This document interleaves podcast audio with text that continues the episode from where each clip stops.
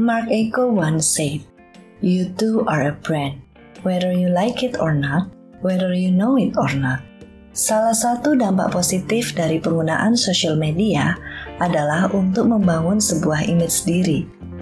Di episode lalu bersama Andi Gondowijoyo dari Info Surabaya, kita udah ngobrolin banyak hal soal cara Andi ngebangun image dirinya sebagai seorang digital marketer di sosmed, challenge, dan dampak yang Andi rasakan. Tapi, kalau mau terus ditekuni dan diseriusi, dampak dari membangun image ini bisa lebih dalam lagi loh. Salah satu ukurannya adalah menjadikan diri kita seorang public figure. Setiap orang yang membranding dirinya harus siap juga menjadi public figure. Gak jauh beda dengan konsep marketing, strategi membangun image untuk menjadi public figure ini baiknya dilakukan secara terencana. Tertarik nggak kamu buat jadi seorang public figure? Mau nggak jadi seorang influencer? Apa ukurannya kita dikenal? Ada nggak sih cara cepat buat ngebangun image diri kita supaya lebih dikenal lagi? Oke, ngomongin soal personal branding, uh, banyak orang yang pingin banget nih jadi influencer. Terus salah satu ukuran dia bisa terkenal dan dilihat di sosial media, salah satunya adalah akun Instagram yang verified. Nah, kali ini kita bakal ngobrol-ngobrol sama bintang tamu yang gak kalah keren dari bintang tamu sebelumnya. Kenalan dulu, halo kak. Hai. Iya. Halo, halo. Iya, ini dengan siapa? Oh, saya Hmm, eh, perkenalkan nama saya Renaldi. Oke, Kak Renaldi ini kalau nggak salah foundernya sebuah kreatif agency ya di Surabaya, bener nggak? Yes, Iya, benar-benar. bisa kenalan nggak atau cerita-cerita nih soal aktivitasnya selama ini? Oke, jadi eh, sekarang aktivitasnya lagi sibuk ini ya, melawan COVID dan Oke, gitu. dan membangun bisnis juga. Saya salah satu buruh kreatif. oh buruh kreatif, Eh, oke. saya, saya bekerja di industri kreatif, lebih condongnya lagi ke digital marketing. Nah, itu di namanya ada Insaf Digital Agency. Oke, Insaf ya. Oke, Hmm. mungkin teman-teman ada yang udah pernah denger nih sebelumnya Insaf. Kayaknya ngetop Ya, banget sih kok di daerah mana nih? Eh, Surabaya ya. Surabaya Iya. ya, eh, kita masih perusahaan baru sih, jadi masih merintis lah gitu. Hmm, Berarti selama ini emang ngerjain branding, digital marketing gitu ya, Yes. Kak Renaldi ya? Ah, jadi kita banyaknya itu adalah eh, alhamdulillah kita sampai saat ini belum ada ini ya pergerakan kita selalu meningkat karena ada partnership klien dan juga kita open untuk publik. Nah, yang kita kerjain itu biasanya di ranah digital marketing. Oke. Biasanya untuk perusahaan-perusahaan yang pengen scale up, yang pengen memperbesar marketnya, Hmm. yang pengen menambah marketnya lebih luas lagi. Misalnya perusahaan Surabaya pengen nambah marketnya sampai ke Jakarta, sampai seluruh Indonesia. Itu kan cara tercepatnya menggunakan digital marketing ya. Nah, yang kita lakukan di bisnisnya dia, kita bisa membuat kontennya, kita bisa melakukan iklan untuk bisnisnya dia, kita juga uh, merombak isi-isi marketing kit dari bisnisnya dia. Kayak gitu sih biasa yang kita lakukan. Tapi melalui metode digital gitu ya? Yes, melalui Oke. digital. Nah, kalau boleh tahu nih klien yang paling besar nih apa nih yang sudah pernah digarap? Wah, eh, kalau di dunia agensi ya, kalau di dunia agensi kita biasa itu klien minta privacy. Oke, oke, oke, oke. biasa kayak gitu. Jadi klien itu nggak pengen dia ditahu kalau menggunakan agensi itu eh, dengan alasan bisa nanti ketahuan kompetitor, bisa apa segala macam kayak benar. gitu. Takutnya nanti kompetitornya pakai jasa Insaf juga nih. Bener, jadi strateginya kan sama nanti. Karena ya benar-benar. kayak gitu. Nah, untuk yang uh, kita sudah pernah megang salah satu startup di Indonesia ya, uh, marketplace Hmm. di Indonesia yang warna oranye tuh. warna orange ya, kita kita kita pernah ya itu. kuncinya Iya. marketplace warna orange nih mungkin teman-teman tahu oke Kita pernah itu di Surabaya kalau uh, ada beberapa brand makanan, ada beberapa uh, brand fashion juga kita pegang. Itu semua semua kita pegang itu dalam bentuk partnership. Yang terbesar yang besar-besar rata-rata partnership yang kita pegang. Oke, ini termasuk ngelakuin digital campaign juga ya buat uh, Yes, benar. mereka. Oke. Hmm, jadi kita partnership itu kita kontrak sama dia, kita sebagai uh, tim marketingnya. Jadi perusahaan tersebut udah nggak punya tim marketing. Marketing. Tim marketingnya adalah kita. Oh gitu. Itu yang namanya model partnership tadi ya. Ya, dan Nah. uh, itu semua uh, berdasarkan bagian pembagian. Jadi kita ada rasa kepemilikan lah di dalam perusahaan itu tim-tim kita. Selain Oke. itu setiap perusahaan itu yang partnership timnya punya sendiri. Jadi uh, satu tim ini nggak bisa megang perusahaan lain. Jadi dia udah di partnership di sini, udah fix di situ aja kerjanya. Di bawah naungan dari Insaf tadi kayak gitu sih. Ini salah satu model bisnis yang baru ya, yang menarik juga sebenarnya, Iya kan? Ini Iya, iya. intinya ini eh, Kak Renaldi sebelumnya buka nih, buka rahasia nih, nggak apa-apa nih. Ketahuan deh. Ketahuan ya, tapi mungkin ini juga bisa jadi inspirasi buat teman-teman yang eh, mungkin mau mengembangkan diri di dunia digital atau mungkin mau kenalan dulu sama Kak Renaldi biar bisa nanya-nanya lebih dalam. Oke, ini kan di podcast tahu diri jual diri bakal Oke. banyak ngomongin personal branding nih. Dengar-dengar Insaf atau Kak Renaldi ini pernah juga megang akun personal branding dan sampai ngelahirin akun verified nih. Nah, Wah. gimana tuh? Bener apa enggak sih yang aku denger nih? Bener dong. Memang kita ada ini ya, kita ada ngerjain personal branding karena pembuatan konten untuk kita membuat branding sebuah company sama personal itu kurang lebih aja. Oh, Metodenya oke. tuh sama, hanya Eh. saja konten isi kontennya lah yang diubah ke uh, orangnya itu ke personalnya itu. Memang ada beberapa orang yang kita pegang yang goalsnya itu verified dan semuanya goalsnya tercapai kayak Oke, gitu. keren banget dia. Nah, ini eh, apakah basic mereka ini memang public figure atau orang biasa aja? Terus Oh, dipegang insaf terus jadi verified gitu. Karena kan denger-denger nih kalau Hmm. verified tuh basicnya harus public figure dulu tuh. Kalau misalnya mau cepat. Nah, Oh enggak, jadi justru mereka semua ini pengusaha. Nah yang kita Oh. pegang ini semuanya pengusaha, nggak ada basic public figure, bahkan nggak ada basic untuk ngomong depan kamera aja mereka masih eh, apa ya kaku-kaku kayak gitu. Mm-mm. Ya udah kita ini nih kita rombak gini-gini gini kita buatkan strategi, kita buatkan hal-hal yang harus dia lakukan. Semua verified itu dalam waktu kurang dari satu tahun. kurang dari satu tahun. Iya. Ini basicnya pengusaha yang sebenarnya secara mungkin komunikasi agak kurang, makanya harus Ya. ini. Nah, apakah Insaf ini ngelakuinnya pure dengan digital strategi atau Insaf ini juga apa ya kayak ngelatih atau mungkin ada coaching dikit atau gimana? Sebenarnya kita ini ya kita ngekonsultasiin juga lebih tepatnya setelah kita konsultasiin Mm-mm. kita kerjain kayak gitu. Jadi kita ngasih saran ke orangnya gini gini gini kamu harus seperti ini. Habis itu kita bantuin kerjain. Sesuai dengan kebutuhan dia ya, maksudnya Betul, sesuai kelebihan, dengan- kelemahan, terus kebutuhan dia. Yes. Oke. Jadi kita riset dulu gitu. Mm-mm. Kalau ini ada teman-teman yang misalnya pingin akunnya verified, kalau secara digital marketingnya tuh yang harus dilakukan apa sih Kak Reh? Maksudnya awalannya untuk memulai nih supaya perlahan tapi pasti suatu saat akunnya bisa verified. Oke. Mm-mm. Eh, jadi gini ya, kalau kita ngomongin dunia public figure atau dunia entertainment, Mm-mm. yang utama memang kalau kita mau mau dapet centang biru sama ini ya sama Instagram Mm-mm. itu kita harus masuk ke dalam media Oke, media partnership ya berarti ya? Atau Ah, gimana? bukan bukan Nah. media media mainstream media mainstream semacam Mm-mm. detik.com Oh, kompas mm-mm. masuk kayak gitu kita harus dibahas sama media nah Mm-mm. untuk bisa masuk media ini kan gak gampang ya Mm-mm. dibutuhkan sebuah isu yang menarik sebuah kegiatan yang menarik sebuah konten yang menarik agar bisa media ngangkat nama kita Oke. apalagi kalau uh, nama kita ini bukan siapa-siapa gitu tiba-tiba masuk media Uh, Oke. eh, tiba-tiba tiba-tiba media ngeliput kan nggak mungkin Mm-mm. nah itulah kenapa kita kalau kita memang pengen jadi apa ya pengen jadi entertainer Mm-mm. uh, public figure itu ada cara cepat ada cara lambatnya nih Nah ini yang diceritain ke aku nih apa nih? Cara cepat sama cara lambatnya nih? dua-duanya nih Dua-duanya.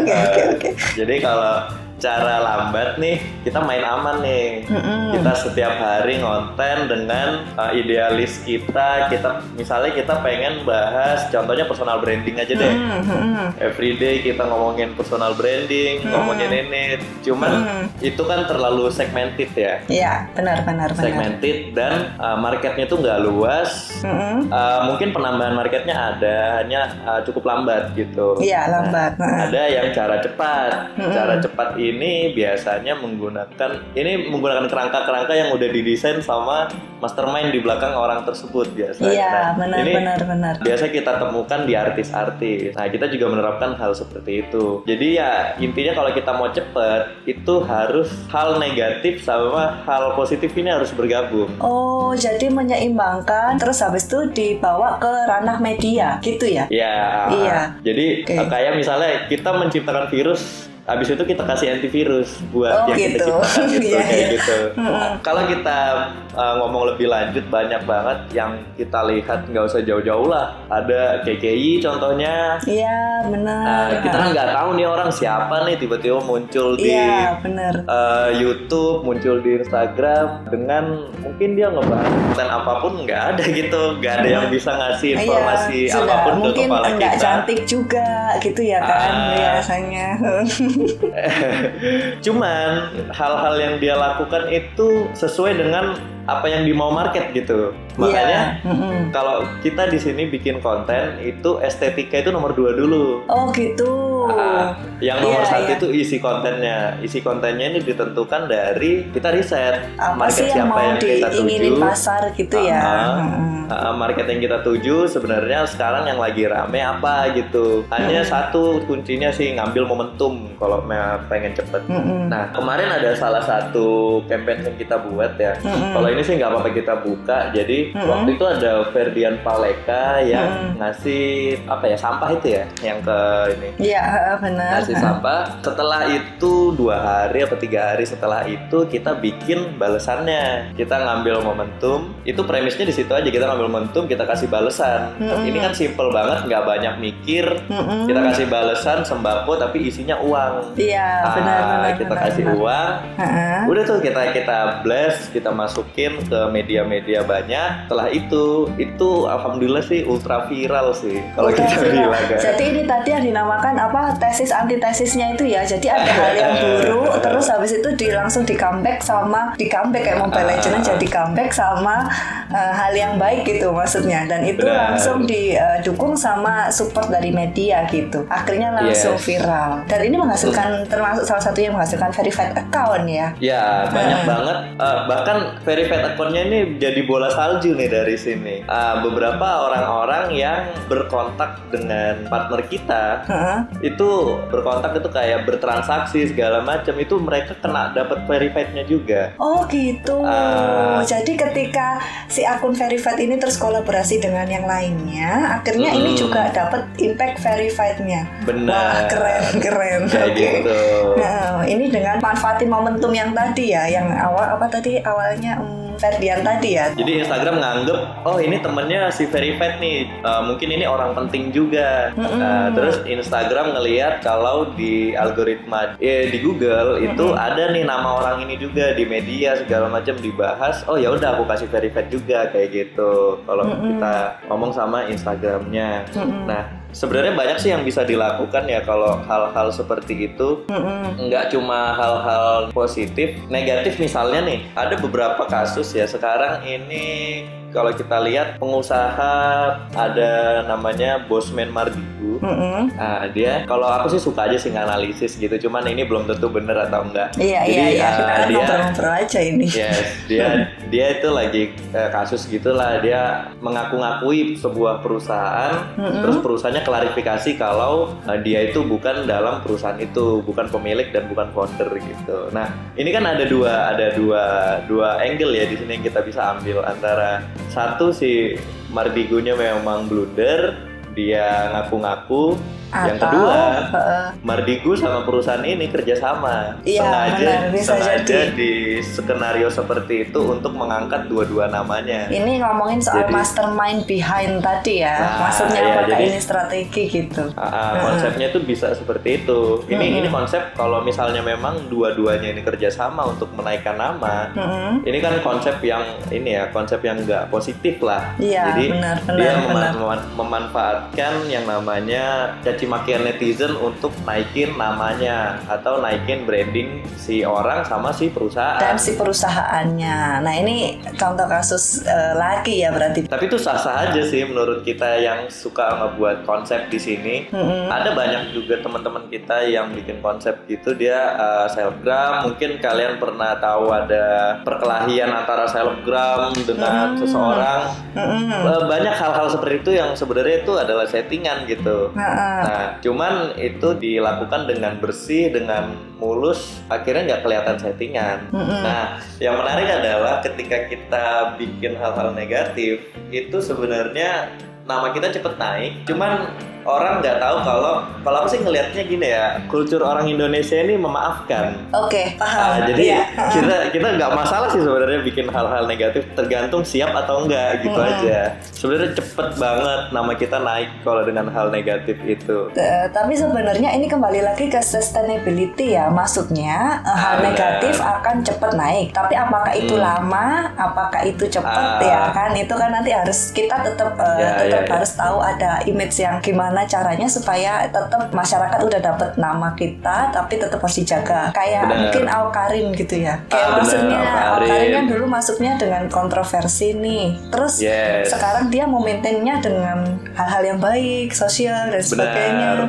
dan itu yang ternyata ah. menjaga follower di belakangnya untuk tetap ikut dia gitu nggak sih ya itu dia kenapa kita harus ngedesain dengan konsep yang mateng kayak uh, ini oke okay nih nama kita naik terus kita harus ngapain nah jangan sampai terjadi seperti itu makanya hmm. semua plan-plan itu harus udah dibuat kalau hmm. kita sebagai mastermind jadi ketika namanya naik langsung dimanfaatkan lagi gitu hmm. untuk uh, ya tadi Aukarin ini menciptakan virus hmm. pertama nih dia ciptakan virus nih kontroversi segala macam hmm. setelah namanya naik dia ciptakan antivirus ya uh, biar namanya ini kembali uh, kembali baik lah maksudnya bisa memaintain followersnya sampai dia sukses sekarang itu dari antivirus yang dia ciptakan makanya hmm. tadi aku bilang ada konsep virus sama antivirus. Ada banyak sih, nggak cuma Okarin ya, banyak banget uh, yang jadi seleb sekarang itu dari kontroversi di awalnya. Nah itu tadi orang Indonesia itu kulturnya memaafkan.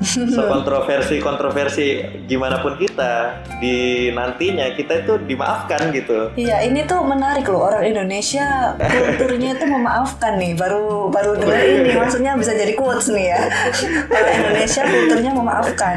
Jadi iya, ya, uh, uh, tapi jangan sampai kita sudah bikin strategi ternyata nggak di maintain di belakang gitu di nah, belakangnya apa yang harus dilakukan setelahnya uh, gitu takutnya udah terlanjur jelek jelek terus selamanya gitu kan. Jadi uh, jangan sampai nggak ciptain antivirusnya tadi. Uh, makanya aku bilang harus ada antivirus. Ketika netizen sudah memaafkan nah uh, itu saatnya kita keluarkan antivirus. Bahkan uh, kasus Ferdian Paleka pun ketika ngeblow up masuk ke dalam kan ada yang videonya di penjara tuh. Uh, sebelumnya netizen tuh memaki-maki segala macem. Setelah dia ada videonya keluar itu netizen ngomong kayak jangan gitu dong kasihan apa segala macam itu kan lucu ya culture orang Indonesia iya, ya. iya iya iya iya. Habis memaki-maki tiba-tiba jangan gitu dong ini kasihan gini-gini nah sebenarnya berarti untuk membuat strategi personal branding sendiri kita tuh kudu ngerti ya maksudnya society kita itu uh, sukanya uh, uh, pasarnya tuh bisa makan konten yang gimana atau strategi yes. yang gimana dan uh, maksudnya cara pikir mereka gimana terus budaya Benar. mereka gimana supaya bisa gigitnya itu lebih lagi gitu. Ah. Nah ini aku ada dua hal ini aku catat tadi pertama uh, kalau pengen cepat mungkin dengan media tadi ya maksudnya yes. ambil momentum kemudian manfaatkan media terus bisa dengan ini salah satu contoh kasus aja dengan uh, sistem virus antivirus tadi tapi hmm. kemudian harus dimintain ke belakang gimana caranya supaya bisa tetap sustain. Ada lagi nggak kira-kira yang bisa dibagi ini ke teman-teman? Itu tadi dua.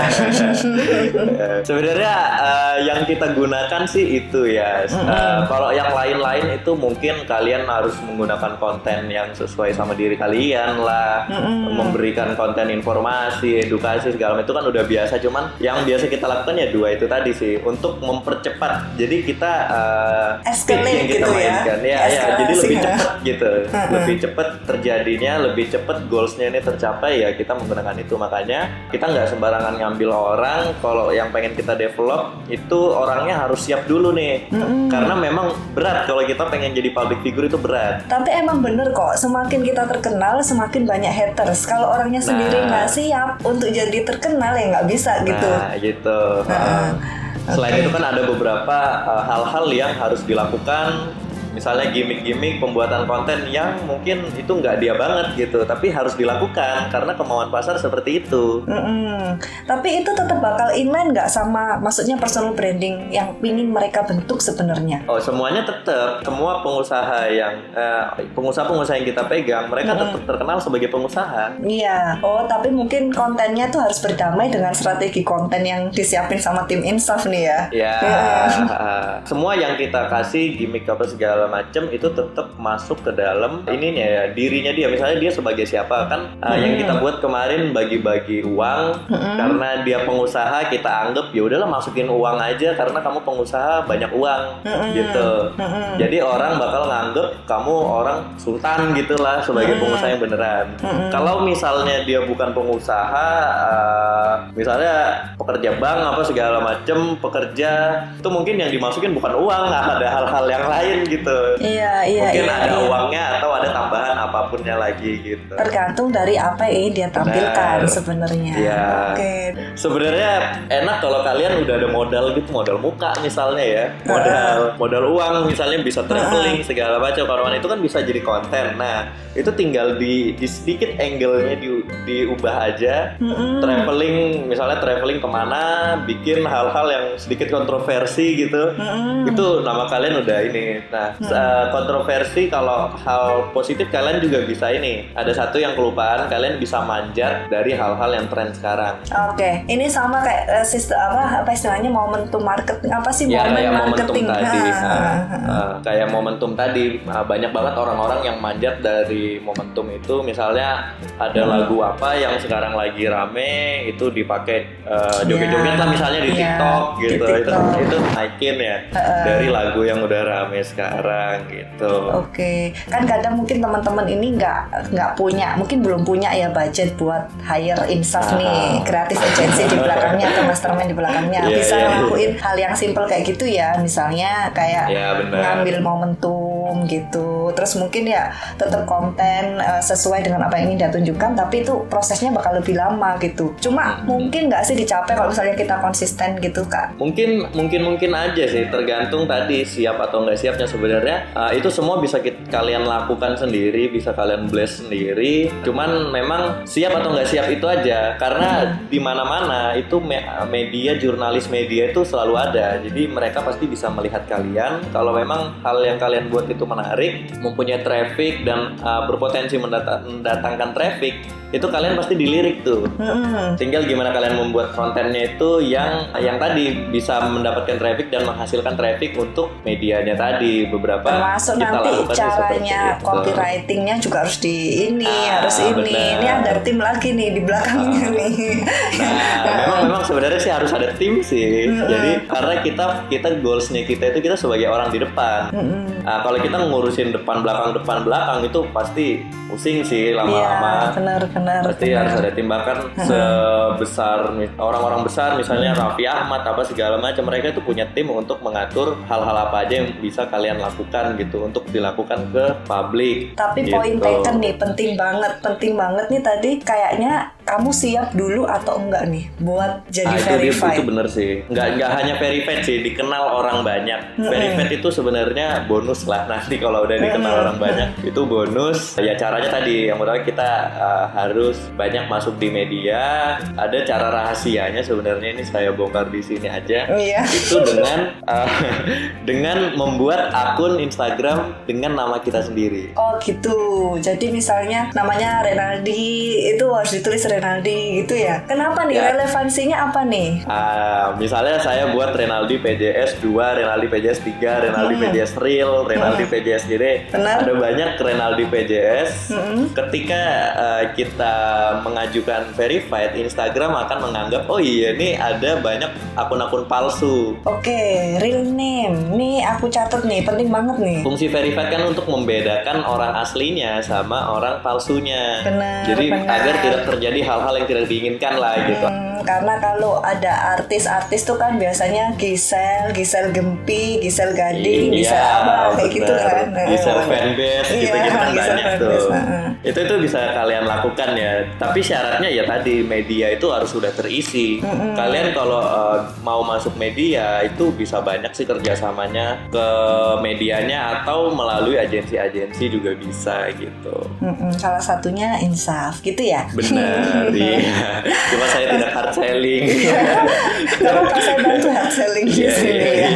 Oke, eh, ini kayaknya udah banyak insight yang kita dapat mulai dari eh, tadi media, virus antivirus, terus menggunakan real name, terus konsisten, terus habis itu siap nggak sih kamu untuk jadi terkenal, untuk dikenal banyak orang. Nah, Kak Re, untuk penutupan nih, kira-kira Ah. menurut Kak Re sendiri personal branding itu untuk zaman sekarang nih relevan nggak sih? Maksudnya untuk teman-teman Oke, muda oke, milenial oke, saat oke. ini penting nggak sih buat kita nge ini cuma pingin tahu aja sih pandangannya Kak Renaldi penting nggak sih buat kita milenial atau mungkin orang yang nggak milenial mungkin siapa aja buat ngebentuk personal branding kita se- sebenarnya ya sampai kapan pun personal branding itu selalu relevan. Ini menurut saya pribadi karena Iya. sampai kapan pun manusia itu lebih percaya sama manusia. ah menarik loh banyak loh tadi ya Itu kenapa setiap kita bikin konten itu kalau bisa ada manusianya. Mau foto produk harus ada tangan manusianya, mau foto produk sepatu harus ada kaki Hmm. manusianya karena karena ada human touch di situ.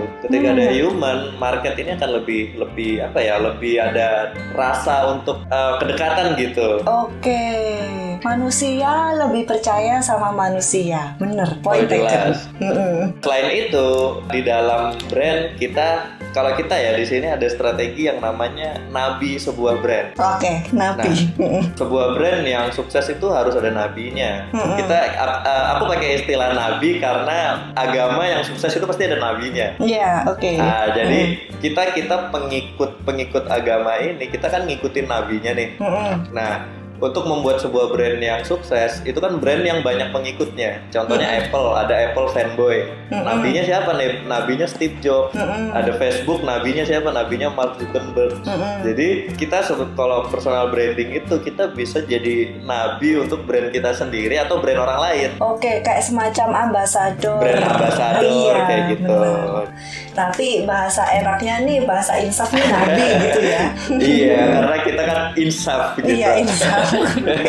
insaf kita harus ikut nabi yang benar nih gitu ya. Ah, benar. Jadi eh, Nabi itu nggak cuma si pemilik brandnya bisa menggunakan ambasador. Nah, tadi kan kita bisa bikin brand sendiri atau kita join sama brand orang kalau kita punya nama gitu. Wah menarik. Oke. Selain oke, itu, ketika personal branding kita oke, terus dapat bonus verified tadi, Mm-mm. eh, mungkin orang udah banyak yang tahu manfaat verified itu lebih trusted, lebih dipercaya orang, lebih keren, lebih apa. Cuman nggak banyak orang tahu kalau kita verified itu kita akan masuk ke dalam sebuah komunitas, eh, kita bakal di-invite ke dalam sebuah grup gitu, komunitas yang di dalamnya orang-orang verified semua. Dan itu akan bagus untuk self development kita ya, juga maksudnya ngebentuk eh, circle kita gitu. circle jadi jaringan baru. Nah, orang-orang di dalam itu orang-orang verified, yang mana orang-orang verified ini bukan orang-orang sembarangan. Benar. Nah, benar. jadi kita bisa bisa deal-dealan, bisa Iya, ketemu, buat bisa segala kepentingan macam personal,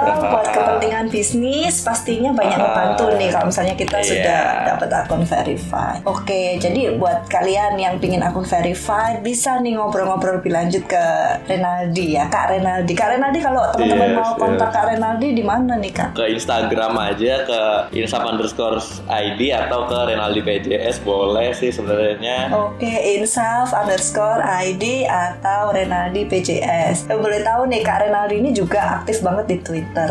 Oh iya, iya.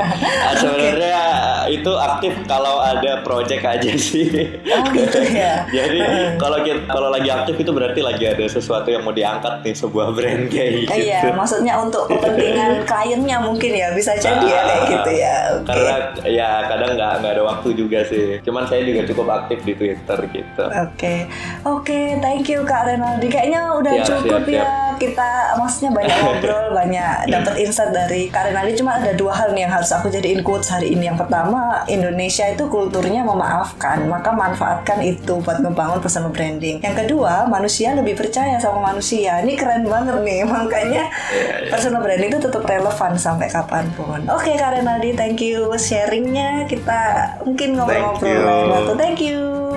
Thank you. Oke. Okay. Yeah.